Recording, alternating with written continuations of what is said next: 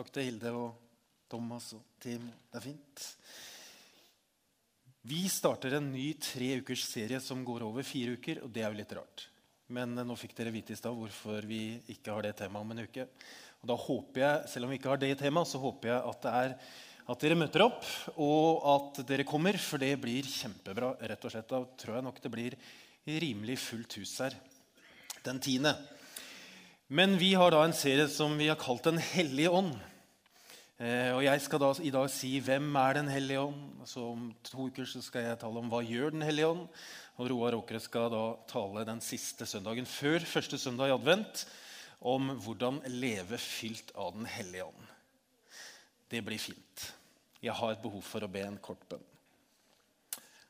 Hellige ånd, takk for at du er her. Be om at du skal møte oss og berøre oss i Jesu navn. Amen. For en stund siden så hadde jeg en, et møte med en gjeng. Og så var det en uh, ungdom som uh, sa uh, Jeg hører ikke om Den hellige ånd i kirken. Jeg vet ikke hva det er. hva er det, liksom? Altså, Jeg har hørt om tungetall og sånn. det har jeg. Men hva er det? Hva er det? Og Det handler om at vi som kirke, tror jeg, i stort eh, så har, altså I alle kirker, egentlig, så har Den hellige ånds eh, gjerning eh, og person lenge vært eh, ignorert og misforstått. Jeg hoppa over hele innledningen. Benjamin. Ignorert i den forstand at vi snakker mye om Gud som far, og så snakker vi om Jesus og sånn. Og det er det. Og misforstått kan jo handle om at vi eh, Når vi skal snakke om ånd, så er det liksom noe ullent. Det er noe flytende. Eh, det er ikke så konkret. Men Den hellige ånd er jo ikke noe flytende eller et spøkelse eller sånt. Eh, det nye testamentet beskriver han med personlige egenskaper, med at han tenker, står det i apostelgjerningene 15. Han taler, snakker de om. Han leder, skriver Paulus til romerbrevet. Det til romerne. Han sørger, han blir trest. Eh, og så beskriver Paulus han som Kristi ånd, eller Jesu ånd. Fordi gjennom Den hellige ånd så er Jesus eh, til stede hos sitt folk. Og så tenkte jeg at vi skulle, nå, Når vi skal snakke om den, hvem Den hellige ånd er, så begynner vi liksom fra starten. Og så beveger vi oss gjennom. Og så tenker du at i dag ble det grusomt mye teori, og, og, sånt, men så blir det veldig praktisk om 14 dager. Så det blir veldig bra. Ok. Men for Den hellige ånd var jo aktiv i skapelsen, var medvirkende. Det står jo det I begynnelsen skapte Gud himmelen og jorden. Jorden var øde og tom, mørket lå over dypet, og Guds ånd svevde over vannet. Så det er den ånden som skaper orden i kaos og får nye ting til å bli til. Og sånn er det jo litt i dag også. At fordi den ånd som var da, er jo den samme som er nå. Um, og den kan bringe nye ting inn i våre liv, inn i menneskers liv. Den kan skape orden og kaos i vårt indre. Or, ikke orden og kaos, men, men orden av kaos i vårt indre. Og så kan den sette oss fri fra noen bindinger som vi har, som jeg skal snakke litt om litt senere. Mens Hvis man fortsetter skapelsesberetningen, så står det også at han formet mennesket av støv fra jorden, altså Gud. Han blåste livspust i nesen på det, og mennesket ble en levende skapning. Og Dette ordet livspust er egentlig et ord som heter ruach, eh, som betyr ånd. Og Det betyr at Guds ånd gir fysisk liv til mennesker som er formet av støv fra jorden. Og så kan man si at På samme måte gir denne ånden liv til både mennesker og menigheter i dag som kanskje er tørre som støv. Tørre som støv. Fordi Den hellige ånd den gir liv og er livgiveren, sier vi. Og Hvis man leser Det gamle testamentet, så ser man at, den, at Guds ånd gir, gis til bestemte mennesker til bestemte tider for helt spesielle oppgaver. Og For to uker siden så nevnte jeg en håndverker som heter Bessalel, som får et oppdrag om, om, å bygge et telt som Guds ånd skulle bo i. Da står det at Guds ånd fylte Bessalel, Og med Guds ånd, eh, med visdom og innsikt og med kunnskap og dyktighet i alle slags håndverk for å gjøre en konkret jobb. Det var Besalels oppdrag. Eh, og I en periode så var det sånn at Israel det ble styrt av noe som heter dommere. Eh, og I den perioden der, som vi kan lese i Dommernes bok, så ble landet ofte overfalt av ulike folkeslag. de ville ta i. Eh, og En gang så var det da midianittene som gikk til angrep på Israels folk. og Da kalte Gud en som heter Gideon, til å lede Israel. Men Gideons første respons var da dette Hør, Herre, hvordan kan jeg berge Israel? Fordi min slekt er jo den svakeste i Manasseh, og jeg er den yngste i min fars hus. Så han, han, ville ikke, for han følte seg svak og liten, og han kunne jo ikke det. Men så gir ikke Gud seg. Han eh, gir Gideon dette oppdraget. Og før de angriper, så står det da kom Herrens ånd over Gideon. Da kom han. Han blåste liv i horn, og Abieser-slekten samlet seg og fulgte ham.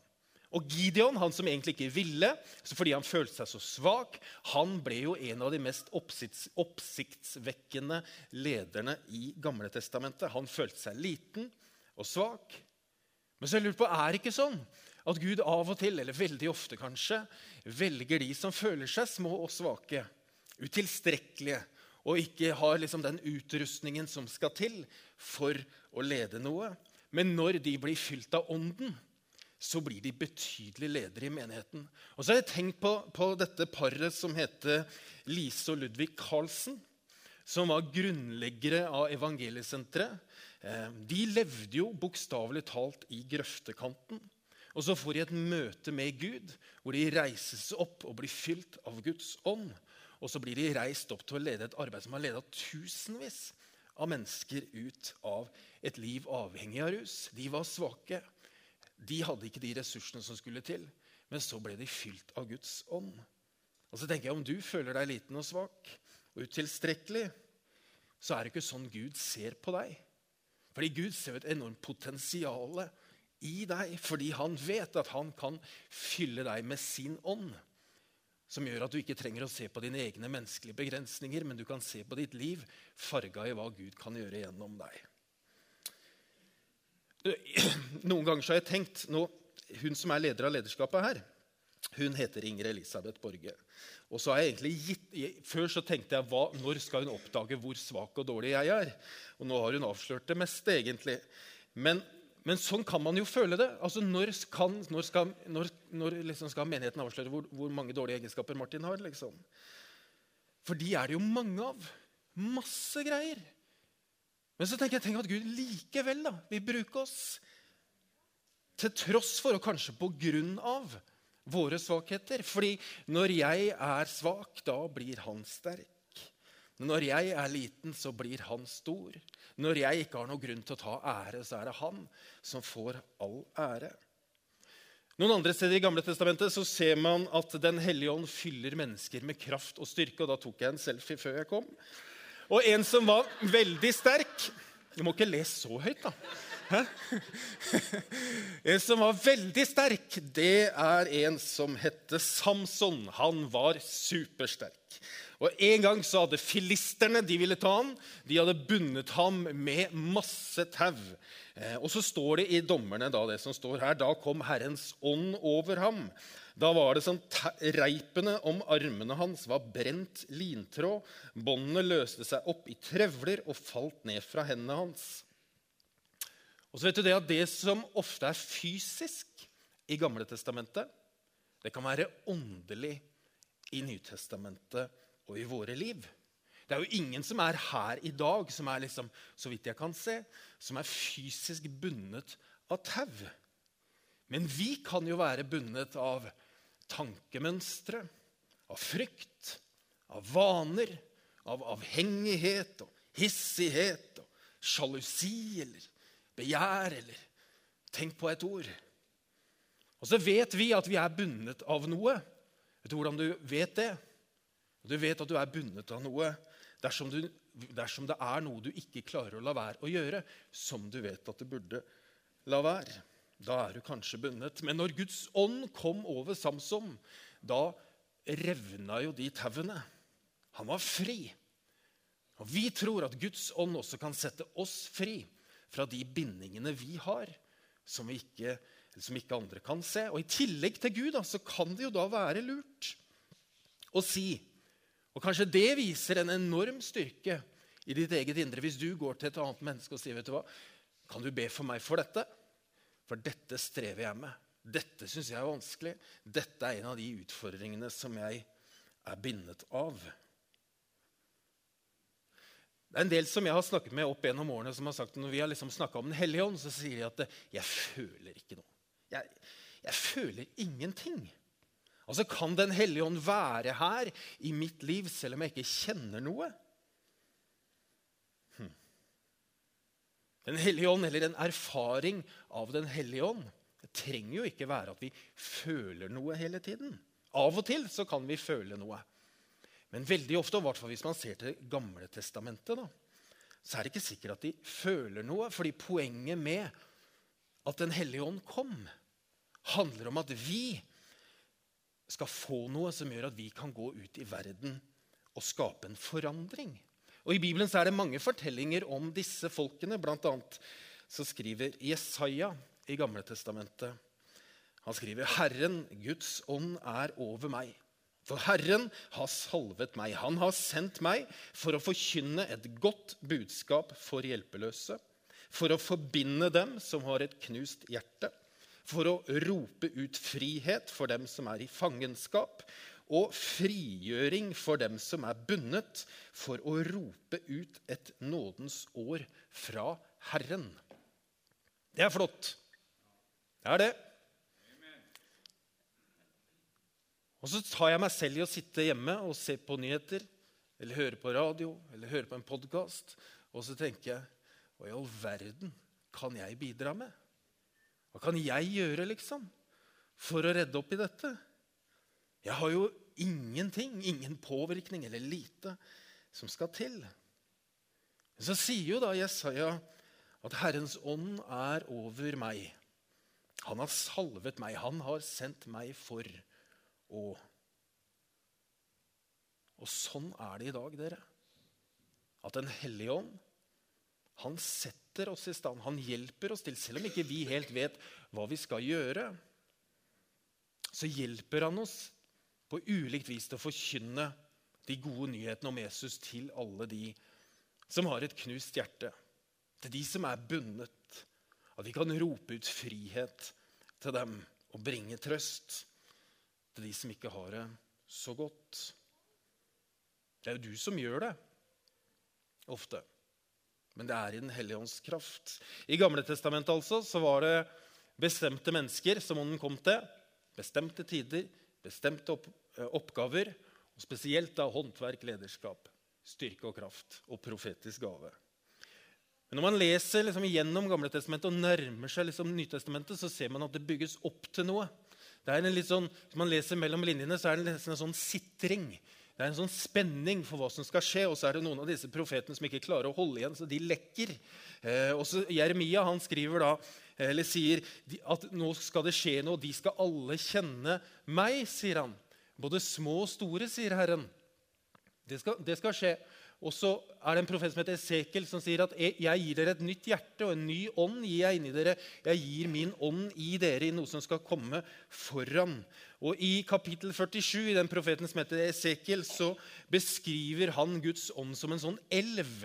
Og den elven det gir frukt, og den gir liv, og den, skaper, den retter opp det der det er gærent. Og så er den elven den er sånn, den, er sånn, den rekker ikke til knærne når du går uti den, men den går ikke til låra heller, men du, den går så dypt at du må, må svømme i den.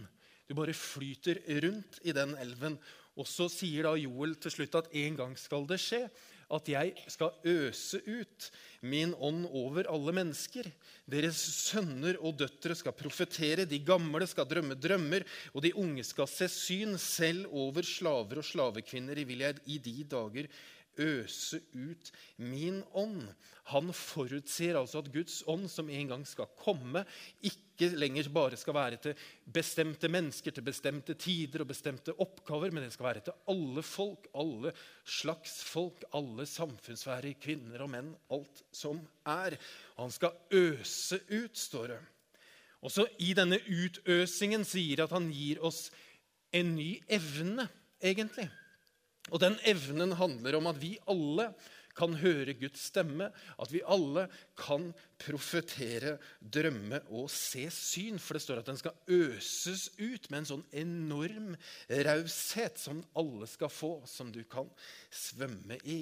Og etter den siste boken i Gamle Testamentet så går det 300 år hvor det er helt stille. Det er ingenting som skjer. Jeg tenker, Hva tenkte de da? De venta og venta. Og så blir Jesus født med et smell. Og så tenker du det var jo ikke noe smell. Det var jo i en stall. Et lite barn i en stall. Men jeg tror det at når Jesus ble født, så var det et smell i himmelen av basuner som gjalla. Og Gud klarte liksom ikke å holde englene inne i himmelriket, for de bare måtte ut på himmelen og forkynne og synge for alle de som var der. Det var fest. Det var et smell i Jesu fødsel. Og Hvis vi ser på Jesu fødsel, så ser vi at nesten alle involverte de ble fylt av Guds ånd. Altså Døperen Johannes, som ble jo sagt om han at helt fra mors liv skal han være fylt av Den hellige ånd.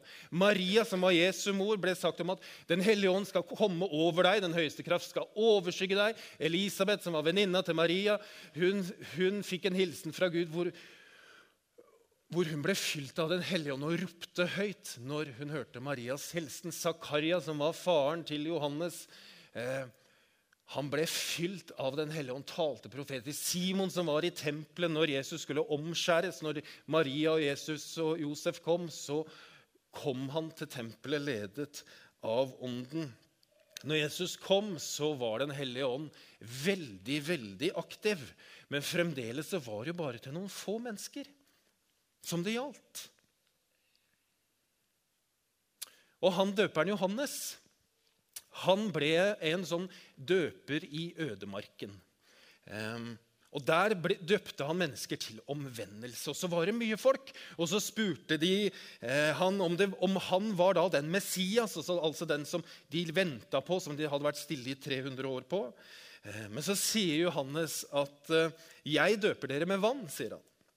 Men det kommer én som er sterkere enn jeg, og jeg er ikke verdig til å løse sandalremmen hans. Han skal døpe dere med Den hellige ånd og ild.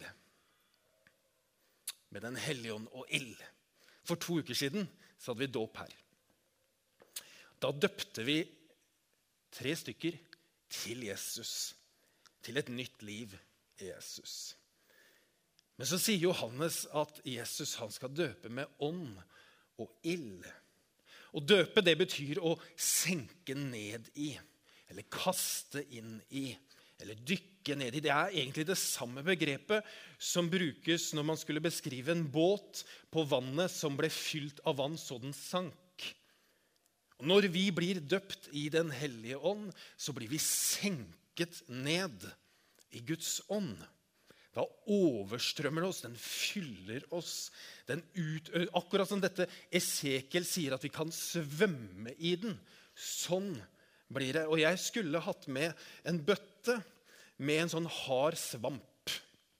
Det glemte jeg hjemme.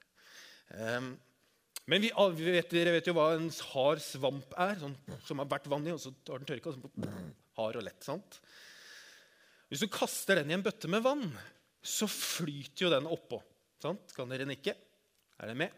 Den flyter, da. Og så kan det ta litt tid før det harde mykner opp, har jeg hørt.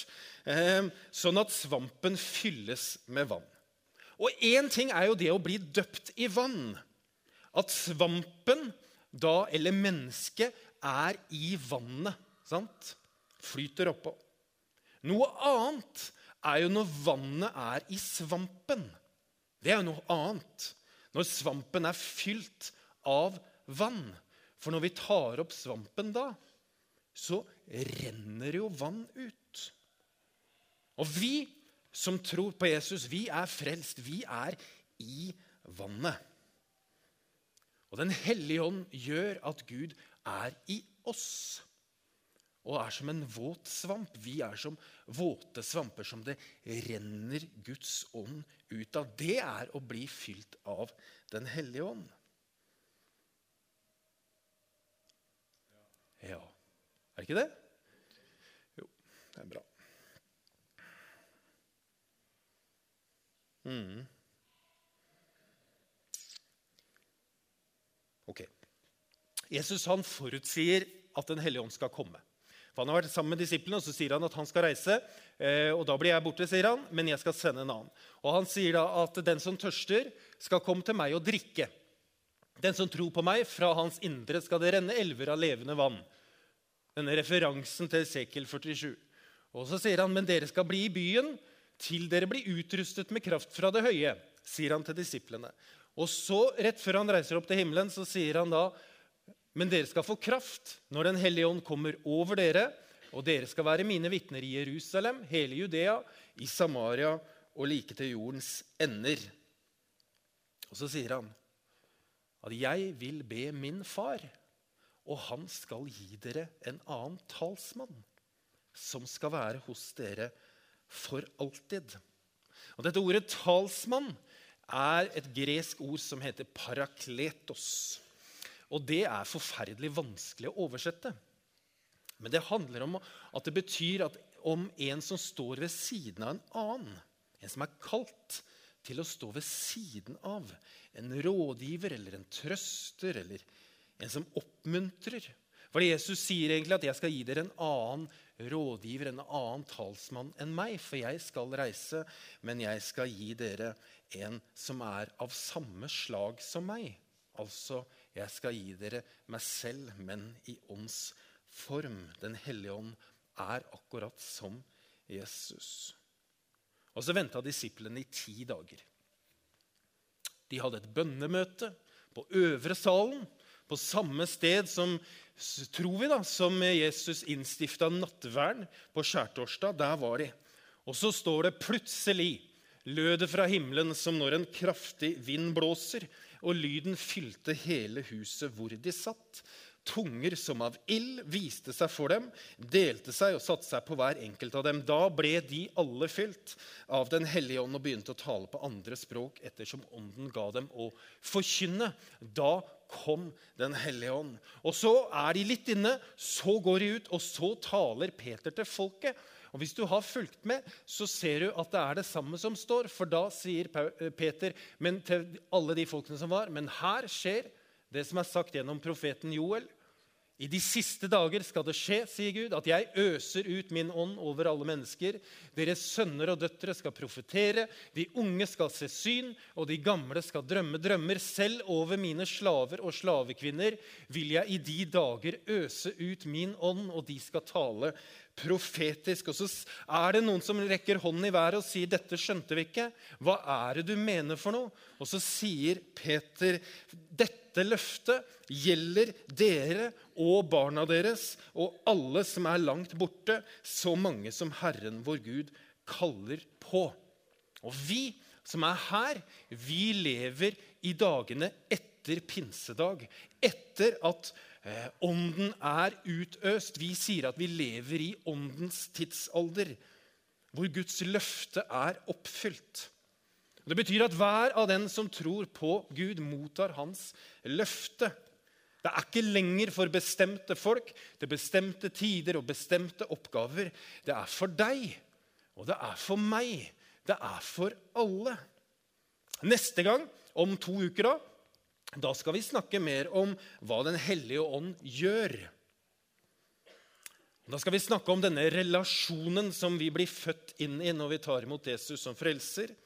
Vi skal snakke om gaver og åndens gaver. Og så skal vi snakke om at disiplene fikk et nytt språk. Vi skal snakke om tungetale og mange ting. Det gleder jeg meg veldig til. 17. november, det blir veldig fint. Så da er det å møte opp. Men før jeg skal avslutte liksom denne teoridelen, så tenkte jeg at jeg skulle fortelle en historie. Og så skal jeg gi deg en utfordring. Er det greit? Ja. Fordi For en del år siden så var jeg gruppeleder på et alfakurs i Filadelfia-kirken i Oslo. Jeg var med på en sånn fire-fem kurs. Og det, på det ene kurset så var Stein han var med. Og Stein han var businessmann. han var veldig suksessfull. Han hadde kone, tre barn og midt i 40-årene. Og så hadde han bra bil, han hadde bra hus, eh, bra jobb og bra familie. Og så hadde Det som var med Stein, det var det at han hadde så mye sånn hodekunnskap om den kristne troen. Han kunne masse. Men fordi han hadde så mye hodekunnskap, fordi han visste masse, så visste han også det at kristen tro handler ikke bare om å ha kunnskap i hodet, men det handler om den koblingen mellom tro og hjerte. Og så strevde han med det. Det med at Guds ånd skal liksom flytte inn. Og så hadde han ikke fått det til. Han hadde strevd masse med det. Og så fikk han Han kunne teorien, men fikk det ikke til å henge sammen i eget liv. Og På alfakurs så er det, i hvert fall da i Filadelfia-kirken, så er det en sånn alfaviken sånn omtrent midt i, hvor Den hellige ånd er tema, og hvor disse tre søndagene som vi har Hvem er Den hellige ånd? Hva gjør Den hellige ånd? Og hvordan leve fylt av Den hellige ånd? er tema. Og På lørdag kveld så har det vært da undervisning om hva gjør Den hellige ånd. Um, og så får jeg lov til, jeg som da er i begynnelsen av 20-årene, midten av 20-årene, få lov til å be for denne mannen som uh, kunne vært pappaen min, som var midt i 40-årene. Og Så sitter vi sammen, og så får jeg lov til å be en enkel bønn for Stein, som lengter etter at Guds ånd skal flytte, eller kunnskap om Gud skal flytte herfra og hit. Og så ber jeg bare 'Kom, Hellige Ånd'. Og så kommer Den hellige ånd over steinen. Så det ljomer som et sånt fossefall. Som en sånn indre forløsning. Og Det er som det lyser opp i hans indre. Og akkurat når jeg har bedt 'Kom, Hellige Ånd', så får jeg et sånt, et sånt bilde i hodet som bare bom, skinner av en sånn svær sol. Med et sånt kjempesmil. Og som bare lener seg over stein. Og så blir han fylt av Den hellige ånd. Han blir døpt i Den hellige ånd. Og troen flytter fra hodet til hjertet, og han får et nytt liv.